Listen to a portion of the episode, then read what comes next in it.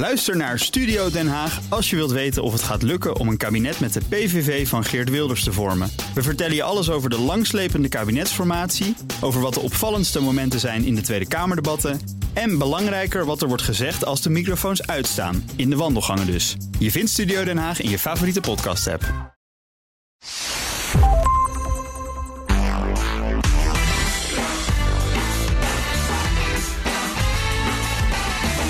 Welkom bij de Ben Tichelaar podcast bij BNR, de wekelijkse podcast over persoonlijk leiderschap. Elke week hebben we een bijzondere gast met inzichten en ideeën die je helpen om je verder te ontwikkelen in je werk en de rest van je leven. Mijn naam is Ben Tichelaar en mijn gast in deze aflevering is Sandra Groeneveld. Sandra, welkom. Mooi dat je erbij uh, wilt zijn. We zijn uh, op afstand van elkaar aan het opnemen. Jij zit in Leiden, ik zit in Soest, want we zijn midden nog in de, ja, de coronamaatregelen zou je kunnen zeggen. Um, Jij bent hoogleraar publiek management aan de Universiteit Leiden. Je houdt je bezig onder meer met thema's als leiderschap en verandering. En je bent medeoprichter, eh, samen met collega Ben Kuipers, van het Leiden Leadership Center. Wat, wat doet dat centrum, als ik vragen mag? Nou, wat wij in de eerste plaats eh, doen, is het wetenschappelijk onderzoek dat wij doen naar leiderschap en in het bijzonder publiek leiderschap samenbrengen en zichtbaar maken voor de buitenwereld. Ja. Maar belangrijker nog, en dat is onderdeel van onze missie, zou je kunnen zeggen, eh, wat wij proberen is wetenschappelijk onderzoek en de praktijk van publiek leiderschap bij elkaar te brengen. Ja. En op die manier hè, wordt ons wetenschappelijk onderzoek geïnspireerd door de praktijk, maar proberen we ook met ons onderzoek direct bij te dragen aan leiderschapsontwikkeling in de praktijk. Mooi, mooi. Dus leiderschap vooral in publieke organisaties. Maar goede lessen die we met elkaar gaan bespreken, mhm. dat weet ik nu al, die zullen ook voor mensen die buiten publieke organisaties werken uh, relevant zijn. Zeg, voordat we er echt induiken, het is mei 2020 en bijna iedereen die werkt vanuit huis op dit moment in verband met de mhm. coronacrisis. Wat is eigenlijk de actuele situatie in, uh, in Huizen Groeneveld? Nou, de actuele situatie is dat mijn partner en ik collega's zijn geworden, maar ik uh, tref het. Hij blijkt ook een hele leuke collega te zijn. En verder betekent dat dat wij als universiteit op 13 maart met z'n allen naar huis zijn gegaan, zowel de docenten als de studenten.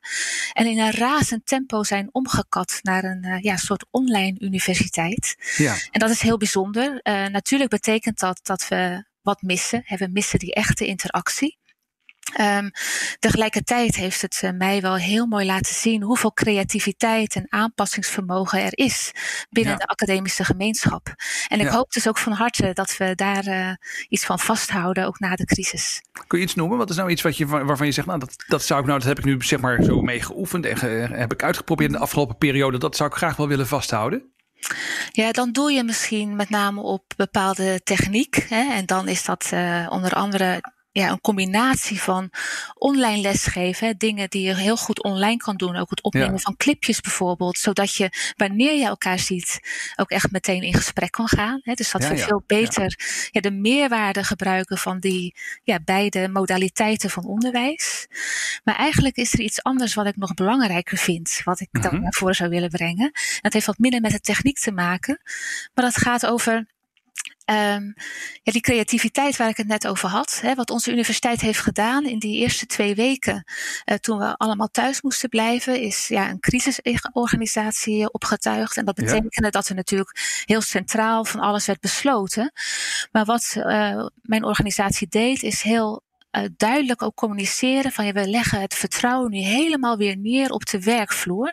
Dus wij, okay. wij zetten de kaders, maar vervolgens is de docent aan zet en die bepaalt zelf uh, hoe hij of zij het onderwijs inricht, uh, omgaat met studenten, et cetera. En dan zie je dus dat ja, al die collega's van mij heel veerkrachtig zijn en creatief ja. en hele mooie oplossingen komen. Mooi om het te horen. Dus eigenlijk ja. door het initiatief terug te leggen op de plek, ja, zeg maar bij de professional. Juist daardoor zeg je, of herken je in ieder geval dat er een hoop leuke, creatieve, goede ja. ideeën zijn uh, ontstaan. Ja, ja, en ik hoop dus dat uh, ja, de academische wereld in staat is om dat heel goed vast te houden na de crisis. Dus het vertrouwen weer meer bij de docent te leggen. Mooi om dat te horen. Zeg, deze podcast die gaat uh, primair over persoonlijk leiderschap. Mm -hmm. En ik ben heel benieuwd, um, als je daar zelf over nadenkt in je eigen ervaring, je eigen loopbaan. Wat is nou iets geweest waarvan je zegt, nou dat heb ik door onderzoek of misschien door ondervinding geleerd. En dat pas ik nu ook zelf toe. Iets dat werkt voor jou. Mm -hmm. Uh, een heel belangrijke les. Um, ja, daar begin ik bij het, de persoonlijke leiderschapsontwikkeling, hè, dat is lange tijd, dat was voor mij ook lange tijd gericht op ja, dat ik beter kan omgaan met autonomie. Dus dat ik zelf richting kan geven aan mijn werk en aan mijn persoonlijk leven. En wat ik leerde toen ik zelf een leidinggevende rol hè, kreeg, en nou, die werd wat groter en omvangrijker in de loop van mijn uh, loopbaan, is um, dat je in je leiderschapsrol ook heel erg afhankelijk bent juist van anderen. Ja. Um, en dan niet alleen van de personen aan wie je leiding geeft, maar ook ja, heel veel anderen in je organisatie en buiten je organisatie. Mm-hmm. En die onderlinge afhankelijkheid uh, vraagt dus dat je heel goed in staat bent om ja, de verbinding te leggen met anderen. En ik noem dat zelf dan ook wel de paradox van leiderschap. He, dan aan de ene kant uh, moet je die autonomie goed kunnen gebruiken en onafhankelijk kunnen zijn. Maar tegelijkertijd wordt, uh, naarmate je verder komt in je carrière, wordt het ja, kunnen leggen van verbindingen met anderen steeds belangrijker. Ja, niet alleen maar de mensen aan wie je leiding geeft, maar ook de mensen die misschien horizontaal naast je staan en misschien stakeholders buiten de organisatie. Ja, ja. en dat besef van die onderlinge afhankelijkheid heeft mij pas echt ja, laten voelen uh, waarom leiderschap ook wel wordt beschreven als uh, een kenmerk van relaties. Ja, ja, oké, interessant. Ja. en kun je, kun je eens vertellen, wat, op wat voor manier speelt dat dan in je dagelijkse werk? Is, is het als je bijvoorbeeld aan een nieuw project begint, een nieuw onderzoekstraject, dat je dan eerst eens gaat nadenken over welke relaties er allemaal een rol spelen, bijvoorbeeld? Heel praktisch, of, of werkt het op een andere manier bij jou? Um, jij kan er misschien wel twee voorbeelden van geven. De eerste, uh, dan kom ik terug uh, op het Leadership Center. Um, in, ja, ja, we komen allemaal in ons werk wel eens op zo'n punt in je carrière dat je je afvraagt waarom doe ik het eigenlijk? En dan is ja. uh, alleen je eigen loopbaan succes is niet meer voldoende. Um, en ik vroeg mij ook af als sociaal wetenschapper van ja, waarom ben ik nou eigenlijk sociaal wetenschapper? Waarom doe ik onderzoek naar publiek management? Dat is toch uiteindelijk bedoeld om dat in de praktijk praktijk ook te verbeteren. Nou, als je dan wil hè, dat je onderzoek relevant is, moet je in gesprek uh, met de praktijk. Um, maar dat betekent dus ook dat je uh, ja, een stap een stap moet zetten naar die praktijk. En dat ja. je niet meer alleen maar sprekend in je eigen taal en met je eigen doelen voorop um, die praktijk mee kan nemen. Uh, dat ja. vraagt dat je echt in, echt in gesprek gaat met elkaar. En ja, in onderlinge dialoog tot nieuwe vragen komt um, en nieuw onderzoek. Ja, dus dat, dat, vind, dat vinden niet alle wetenschappers ook leuk om te doen, is mijn ervaring. Ik vind dat ook soms best wel heel spannend om met mensen in praktijkveld, waar ze dan eigenlijk ook studie naar doen, om daar ook mee in gesprek te gaan. Ja, dat vond ik ook heel erg spannend. Ja. En dat was dus ook echt een enorme stap uit mijn comfortzone als uh, wetenschapper. Um, en ook best een puzzel, hè? want um, als wetenschapper vind ik ook mijn wetenschappelijke onafhankelijkheid en integriteit heel belangrijk. Ja. Dus dat is echt op zoek uh, samen met de praktijk naar een vorm waarin je dat goed kan doen, zodat ja, de wetenschap optimaal is, maar ook de praktijk optimaal geholpen. En ja. ja met die zoektocht zijn we natuurlijk nog bezig. Maar uh, ja, dat is een voorbeeld van waarin ik dat uh, ja, de, la de laatste jaren die verbinding heb gezocht met anderen. Ja, ik kan me voorstellen, die lessen kun je natuurlijk heel goed doortrekken naar mensen die misschien helemaal niet in een publieke omgeving werken of die helemaal niet in het wetenschappelijk bedrijf werken, maar die wel zoiets hebben. Ja, ik heb klanten of ik heb mm -hmm. uh, mensen met wie ik rekening moet houden. En dan echt het gesprek aangaan, mensen vragen wat ze echt van jou nodig hebben. Ja, dat betekent ook wel dat je je een beetje kwetsbaar moet opstellen. Dat je soms ook dingen te horen krijgt die niet zo leuk zijn misschien. Dat klopt. En die heb ik ook wel te horen gekregen. Ja, okay, nou dan willen we natuurlijk zijn we wel nieuwsgierig. Willen we even één ding horen op zijn minst. Um, nou ja, dat is uh, dat ik vaak in abstracte termen uh, praat. Dus dat ik heel vaak in gesprekken te horen krijg. Kun je dan een voorbeeld geven? En dan ja. zei ik van ja, voor de voorbeelden ben ik hier. Dus laten we samen eens op zoek gaan naar een voorbeeld. En dan, eh, dan op die manier um, lukt het mij ook om langzaamaan, stapje voor stapje, dat abstracte concept uh, toe te lichten. Maar ja. word ik tegelijkertijd gevoed met voorbeelden uit de praktijk en de vragen die er spelen. En zo ja, help je elkaar. Dat, ja. ja. zo help je elkaar een stap vooruit mm -hmm. in het denken en het beter maken ook van mm -hmm. publieke organisaties. Zeg, over die publieke organisatie, jouw fascinatie daarmee. Um, mm -hmm. Laten we eens een stapje gaan zetten naar jouw werk, jouw ideeën. Uh, misschien, misschien eerst maar even die vraag: waarom publieke organisaties? Waarom niet bijvoorbeeld bedrijfsleven? Waarom niet het militaire bedrijf? Waarom publieke organisaties? Ja, daar heb ik een inhoudelijk antwoord op, maar ook een hele praktische. Dat is begonnen met het feit dat ik bij uh, een afdeling bestuurskunde ging werken als socioloog. Oké, ja. Ik ben socioloog van huis uit en heel erg geïnteresseerd in gedrag in organisaties. En ik kwam bij een, een universitaire afdeling bestuurskunde te werken in Rotterdam destijds. En toen dacht ik van nou, ik blijf organisaties bestuderen, maar dan heel toevallig publieke organisaties. Ja, dat, was, dat, was, dat, had gewoon te maken met het feit dat je daar werkte en dat het nou eenmaal de focus was. Ja, oké, dus dat is een van de antwoorden. Maar er is ook wel een ander antwoord, begrijp ja, Nou, dat is een inhoudelijk antwoord geworden, want ik ontdekte toen um, hoe bijzonder interessant publieke organisaties zijn. En dat heeft te maken met hun missie. He, ze zijn uh, bedoeld um, om ja, het publiekelijk belang te dienen. Um, en dat spreekt mij uh, persoonlijk in het bijzonder aan. Maar daarnaast werken ze juist omdat ze publieke belang moeten dienen en uh, ingebed zijn in onze democratische rechtsstaat. Ja. dat, dat maakt het management van publieke organisaties gewoon extra ingewikkeld. Ja, je moet met veel meer dingen rekening houden dan alleen maar met wat een klant wil en waar die voor zou willen betalen. Ja, effectiviteit en efficiëntie uh, is maar één van de waarden die publieke organisaties moeten realiseren. En daarnaast zijn er nog vele andere, zoals rechtmatigheid, uh, gelijke behandeling, uh, responsiviteit. Hè, dus dat de burger zich herkent en dat ook de problemen van de burger worden opgelost. Het zijn allerlei verschillende publieke waarden die op gespannen voet kunnen staan met elkaar, maar die wel tegelijkertijd gerealiseerd moeten worden. Dus daarom zeg ik ook vaak tegen mijn studenten hè, van uh, ja, bedrijfskunde is een mooie studie, maar uh, publiek management is nog veel mooier, want dat is, dat is pas heel ingewikkeld management. Dus als je dat kan, dan kun je alles. Zo grappig, hè? Je hoort wel eens ondernemers roepen... nou, als ik het voor het zeggen had, dan wist ik wel Precies. hoe ik het zou aanpakken. En dan gaat het daar vaak over de, over de mhm. overheid... of de publieke ja. over mhm. publieke organisaties. Maar wanneer ze dan in een rol als burger te maken hebben met die overheid... dan willen ze ook graag recht gedaan. Mm -hmm. uh, dat hun wordt recht gedaan. Dus dat, ja, ik, ik snap eigenlijk wel wat je zegt. Ja, mooi.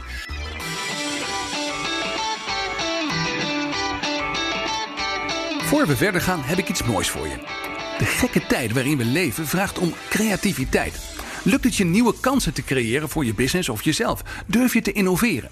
Ik help je hiermee graag op weg en daarom presenteren BNR Nieuwsradio en Denkproducties op donderdag 28 mei tussen 3 en 4 uur een gratis webinar. Ik spreek met niemand minder dan Duncan Wardle.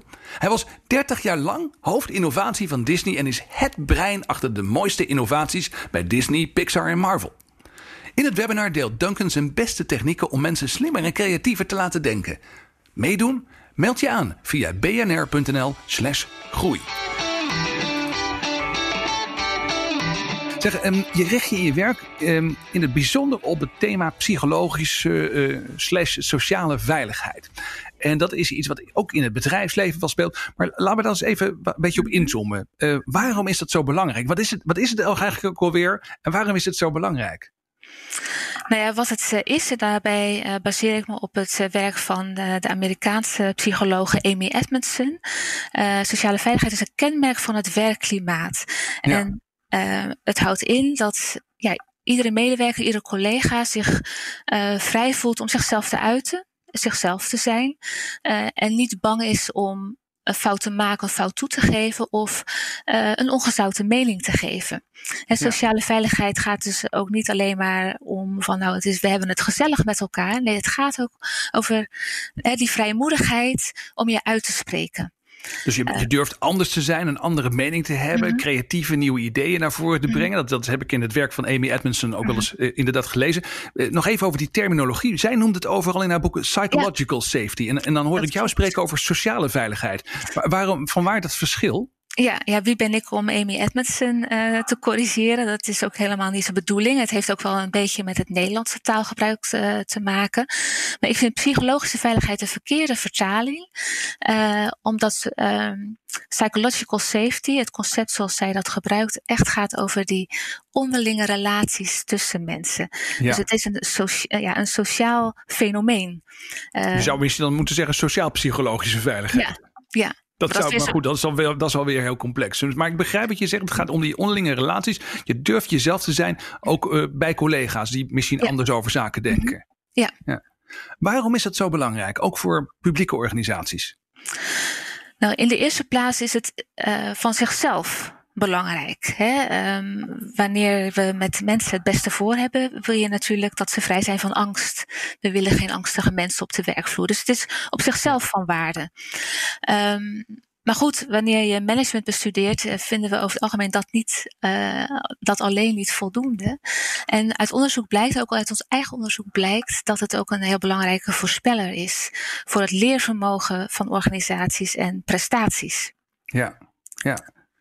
En hoe, hoe werkt dat dan precies? Kun je ze een voorbeeld, ja, dan komt hij, dan kun je ze een mhm. voorbeeld geven hoe dat dan werkt en waarom dan die sociale veiligheid, uh, die vrijmoedigheid die mensen ervaren in relaties met collega's zo belangrijk is voor het leervermogen en voor de ontwikkeling van organisaties. Hoe werkt dat? Nou, misschien mag ik een wat algemener voorbeeld geven, wat uh, luisteraars allemaal kennen. Want dat is ook het lastige hè, van voorbeelden van organisaties intern. Dat de meeste luisteraars die voorbeelden dan niet kennen. Maar je zei zojuist al, wij nemen dit gesprek op tijdens de coronacrisis. En we weten allemaal uh, hoe die crisis zich heeft ontwikkeld. En um, wat we weten uit China is dat um, de verspreiding van dat virus al een poosje aan de gang was. Maar dat er uh, zowel in de, binnen de overheid uh, in China, de, de regionale overheid waar het speelde, uh, als in het ziekenhuis daar waar het werd geconstateerd, um, de betrokkenen zich niet vrij voelden om te melden dat er een probleem was. Ja, en ja, dat heeft verhaal ook van die ja, arts hè, in Wuhan die dan zeg maar zo'n virus constateert, maar dat, dat eigenlijk uh, officials binnen de, uh, uh, het Chinese staatsbestel dat soort slecht nieuws vooral proberen tegen te houden. Precies, en dan krijg je dus een cultuur van zwijgen en verbergen. Ja. En dat heeft ertoe geleid dat uh, dat virus dus langer kon verspreiden dan ja, eigenlijk nodig was uh, geweest. Hè, zonder dat we nu beginnen over schuld of iets dergelijks. Maar ik vind het een heel sprekend voorbeeld van het gevaar van stilte in organisaties en het verbergen van fouten. Ja. En dat is een voorbeeld ja, dat iedereen ook wel kent. Ja, stilte en het verbergen van fouten. Zo, zo, we horen geen slecht nieuws. Er is dus niks aan de hand. En dat is eigenlijk dus fout, zeg je. Voor het fout vind ik dan zo, zo heftig klinken. Maar, okay, eh, goed, ja, maar voel, je vrij, voel je vrij, voel je veilig om dat maar gewoon te zeggen. Want het leidt tot, wel tot verkeerde uitkomsten in veel gevallen. Zeker, zeker. En um, wanneer uh, er weinig wordt gerapporteerd over onveiligheid in organisaties, uh, ben ik ook niet zo geneigd om dat dan te zien als een signaal van dat het allemaal lekker goed gaat. Precies. Nee, ja, nee. ja, geen slecht nieuws wil nog niks zeggen dat er niet iets aan de hand uh, zou kunnen zijn. Ja. Nou, is een interessante vraag natuurlijk. Uh, heel veel mensen herkennen wel dat het heerlijk is om je gewoon te kunnen uitspreken. En als je een idee hebt, dat je dat gewoon op tafel kunt leggen. En dat collega's eigenlijk zeg maar dat elkaar ook gunnen die ruimte. En, en wat je net noemde, het internationale voorbeeld van zeg maar organisatie of landen. Waar uh, het verzwijgen van slecht nieuws eigenlijk zeg maar een soort common practice is. Dat dat ook niet handig is zeg maar. Nou, dat realiseert iedereen zich ook wel. Maar de vraag is, hoe, hoe keer je nou zoiets om? Hoe keer je nou zo'n cultuur, zo'n omgeving waar zeg maar, mensen zich liever stilhouden? Hoe verander je dat nou in een omgeving waar mensen zich wel durven uit te spreken? Wat moet je dan als leidinggevende of als gewone collega uh, doen? Hoe kun je daaraan bijdragen? Ja, dat is echt een leiderschapsvraag. Hè? Zowel voor formeel leidinggevende als uh, collega's. Ja, ja het is een beetje voor collega's natuurlijk een baron van Münchhausen probleem. Hè? Van hoe zorg je ervoor als je zelf onderdeel bent van een groep waarin dat zich vrijelijk uitspreken geen common practice is. Ja, je bedoelt het verhaal van de, van de baron van Münchhausen die zichzelf ja. aan zijn eigen haar uit het moeras moest trekken. Ja, ja dat precies. is natuurlijk heel ingewikkeld. Dus ik, alleen al om die reden denk ik dat er een heel belangrijke rol is voor de formeel leidinggevende. Ja. En dat is uh, het goede voorbeeld geven. Dus um, onderstrepen uh, het belang van uh, jezelf uitspreken. Het aanmoedigen om dat te doen. erop te letten dat mensen elkaar laten uitspreken. Dat er wederzijds respect is. en dat is heel hard werken hè, om, om dat te doen. Ja, als ik, als ik de voorbeelden ook uh, lees in het werk van Amy Edmondson, als ik ook jou hierover hoor vertellen, dan mhm. kan ik me voorstellen dat sommige mensen ook denken van ja, dit is bijna gewoon uh, alsof je een, een, een, basisschoolklas moet managen. Mhm. Laat elkaar uitspreken. Uh, heb respect voor wat de ander zegt. Denk niet dat je alles al weet. Het zijn, het zijn bijna kinderlijk eenvoudige regels. En toch is het moeilijk blijkbaar om dat in organisaties voor elkaar te krijgen. Hoe, hoe zit dat? Waarom, waarom is dat zo moeilijk? Ja, dus ik, ik heb ook wel eens uh, aarzeling om hierover uh, over te praten, omdat het soms zo, hè, um, zo evident klinkt. Daar hebben wij als managementwetenschappers natuurlijk wel vaker last van. En dat zal jou misschien ook wel bekend uh, voorkomen. Van, ja, wat je, je vertelt. Je, precies, ja, de mensen zeggen, heb je, daar altijd onder, heb je daar onder, altijd onderzoek naar voor nodig? Precies, precies. Ja. Ja, ja. Nou, en ehm, het blijkt in de praktijk heel lastig om te doen. En het heeft met ja, verschillende kenmerken van organisaties te maken. En de, de eerste is natuurlijk uh, hiërarchie. Ja. Ehm, en mensen zijn heel gevoelig voor hiërarchie. En um, zullen zich dus ook aanpassen uh, in hun hiërarchische rol. En niet zo snel geneigd zijn om een slechte beurt te maken in de ogen van de baas. Want ja, wie wil er nu graag slecht opstaan? Ja, en zeker ja. uh, wanneer uh, ja, de relatie pril is, hè, of uh, nou ja, uh, nog onbekend terrein, of niet zo hecht, hè, dan ben je toch geneigd als mens om jezelf goed voor te doen en zeker niet in al je kwetsbaarheden te laten zien. Dat is heel ja. menselijk. Precies, het klinkt heel, heel mooi. Hè? Stel, stel je kwetsbaar op. Het klinkt heel mooi om te zeggen, maar eh, om dat in het echt ook te doen, zeker in een hiërarchische organisatie, zeg je dat is mhm. eigenlijk best lastig. En, en betekent dat dan dat je de hiërarchie vooral moet proberen uh, eruit te halen? Of zeggen we, nou ja, dat gaat eigenlijk niet. Je moet daarmee leren leven op een positieve manier, om het maar even simpel te zeggen. Nou, de hiërarchie hebben we natuurlijk nodig in organisaties. En misschien komen we straks ook nog wel even te spreken over specifiek dan die publieke context. Ja. Um, maar um, ja, een van de dingen, maar dan moet ik ook wel eerlijk zeggen uh, dat ik daar geen onderzoek naar gedaan heb, is uh, wat je zou kunnen doen, is het uh, heel goed uit elkaar halen van enerzijds beoordelen en aan de andere kant het gesprek over ontwikkeling. En dus wat ja. we veel zien in, in organisaties, is dat er zoveel nadruk, nadruk ligt op beoordeling dat het heel lastig wordt om uh, die relatie die leidinggevende ook met medewerkers hebben, ook op die manier te ontwikkelen dat je ja, het wel aandurft om je kwetsbaar op te stellen. Ja, ja, ik heb een keer gesprek gehad, ook in deze podcastreeks, met uh, Kilian Wawou. Ja, ja. Die, uh, die onderzoek naar beoordelen heeft gedaan. En die zegt ook: het probleem is dat uh, veel leidinggevenden zijn aan de ene kant coach en tegelijkertijd zijn ze ook de rechter. Ja, en die, die twee rollen. rollen met elkaar mhm. vermengen is bijna niet te doen. Nee, en zeker als de relatie zich nog moet ontwikkelen. Ja. Ja. Um, ja, en waar beginnen we mee als iemand in dienst komt?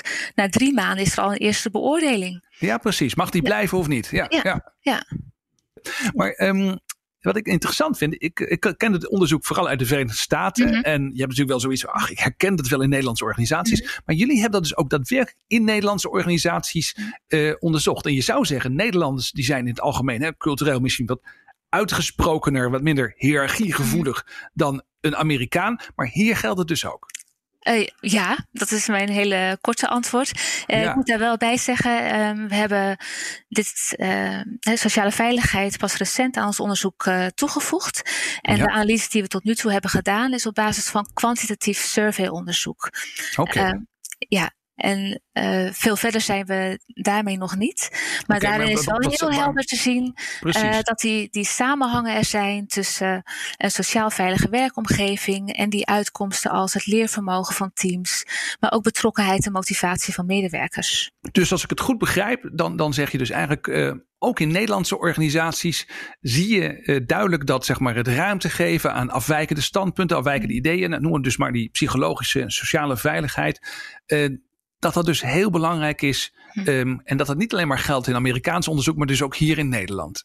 Zeker. Ja, het is ook uh, ja, een, een, misverstand zou je kunnen noemen. Hè? Als ik uh, spreek over sociale veiligheid, ook uh, met collega's, dan wordt er soms ook wel een beetje meewarig gekeken van, oh, dan heb je haar weer met een soft onderwerp. Ja. Um, maar wat je ja, goed moet realiseren, is dat uh, sociale veiligheid niet het uiteinde is van een continuum van sociale veiligheid aan de ene kant ja. en dan prestaties aan de andere kant. Of prestaties. Ja, alsof dat tegenovergestelde dingen zouden nee, zijn. Precies. precies. ja. Het zijn, dat zijn twee dimensies. En uh, waar je in organisaties naar op zoek zou willen, is een omgeving waarin de standaarden hoog zijn en de sociale veiligheid hoog. En die combinatie, die leidt tot hoge prestaties. Oké, okay, dus je mag echt wel iets van mensen vragen. Maar Zeker. tegelijkertijd moet je dan ja. ook de ruimte geven, ook mhm. psychologisch en sociaal de ruimte geven om zich te uiten en echt mee te doen. Ja, dus zij uh, richt je op hoog, hoog. ja, heel ja. mooi. Ja, ik, ik wou je eigenlijk ook vragen wat nou een hardnekkige mythe is in, uh, in mhm. jouw wereld. Als het dan gaat over leiderschap in de mhm. publieke sector. Maar dit is natuurlijk al een soort mythe, hè, dat er een soort tegenstelling zou zijn tussen aan de ene kant dus uh, psychologische, sociale veiligheid en aan de andere kant prestaties. Zijn er nog meer men, dingen die mensen geloven als het gaat over leidinggevende publieke sector die eigenlijk gewoon niet waar zijn? Ja, nu moet ik oppassen dat ik geen uh, stroomman maak uh, van, uh, van mijn tegenstanders. Maar ja. een, een ander ja, misverstand of misschien een blinde vlek in het vakgebied waarin ik werk, en dat is de bestuurskunde, is dat leiderschap is um, wat bestuurders doen, of erger nog, wat bestuurders opschrijven. Oké. En uh, dat is ja, met mijn focus op het gedrag in organisaties en het, ja, alle onderzoeksbevindingen die wij hebben, uh, vind ik het wel fijn om te onderstrepen dat dat een uh, misverstand is. En leiderschap gaat over verandering in organisaties en mensen ja. in beweging krijgen. En dat doe je nooit met, een, met een stuk papier.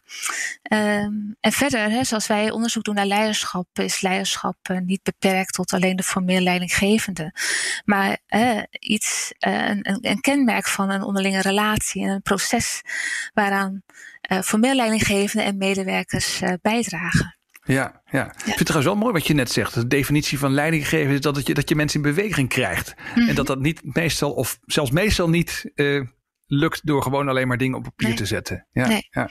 Zeg, um, we moeten alweer naar de afronding toe. En een vraag die, ja, het is echt niet te geloven, maar uh, het gaat altijd heel snel als het over leuke onderwerpen gaat. uh, wat, wat is nou, um, als we ons verder willen verdiepen in jouw vak of überhaupt in leiderschap, wat is nou jouw mediatip? Iets waar we, uh, waarvan je zegt, nou lees dat eens, bekijk dat eens, da daar word je rijker van. Nou ja, na dit gesprek uh, ligt uh, mijn tip natuurlijk ook heel erg voor de hand. En dat is uh, het meest recente boek van Amy Edmondson, The ja. Fearless Organization. The Fearless Organization, ja. Ja, um, ik zou het ook ja, aanraden om het in het Engels te lezen, omdat je dan het dichtst bij, uh, bij haar verteltrand uh, komt. En zij ja. kan het meesterlijk uitleggen. En wat zo leuk is aan dat boek, is dat ze aan de ene kant um, haar onderzoek van de afgelopen decennia, want zo lang uh, doet zij al onderzoek naar dit onderwerp, samenbrengt. Maar aan de andere kant ook heel goed is in het, ja, het toepassen op hele concrete voorbeelden. En die deelt ze ook met de lezer. Dus ik kan dat boek zeker aanraden. Amy Edmondson, The Fearless Organization. We zetten het ook even op de BNR-website, zodat iedereen het daar kan terugvinden. Uh, Sandra Groeneveld, mag ik je heel erg danken voor het delen van je inzichten en ideeën met ons. Geen dank, heel graag gedaan. Dit was de Ben Tichelaar podcast bij BNR met als gast deze keer Sandra Groeneveld. Vond je dit interessant? Check dan ook mijn andere podcasts via BNR of je favoriete podcast-app.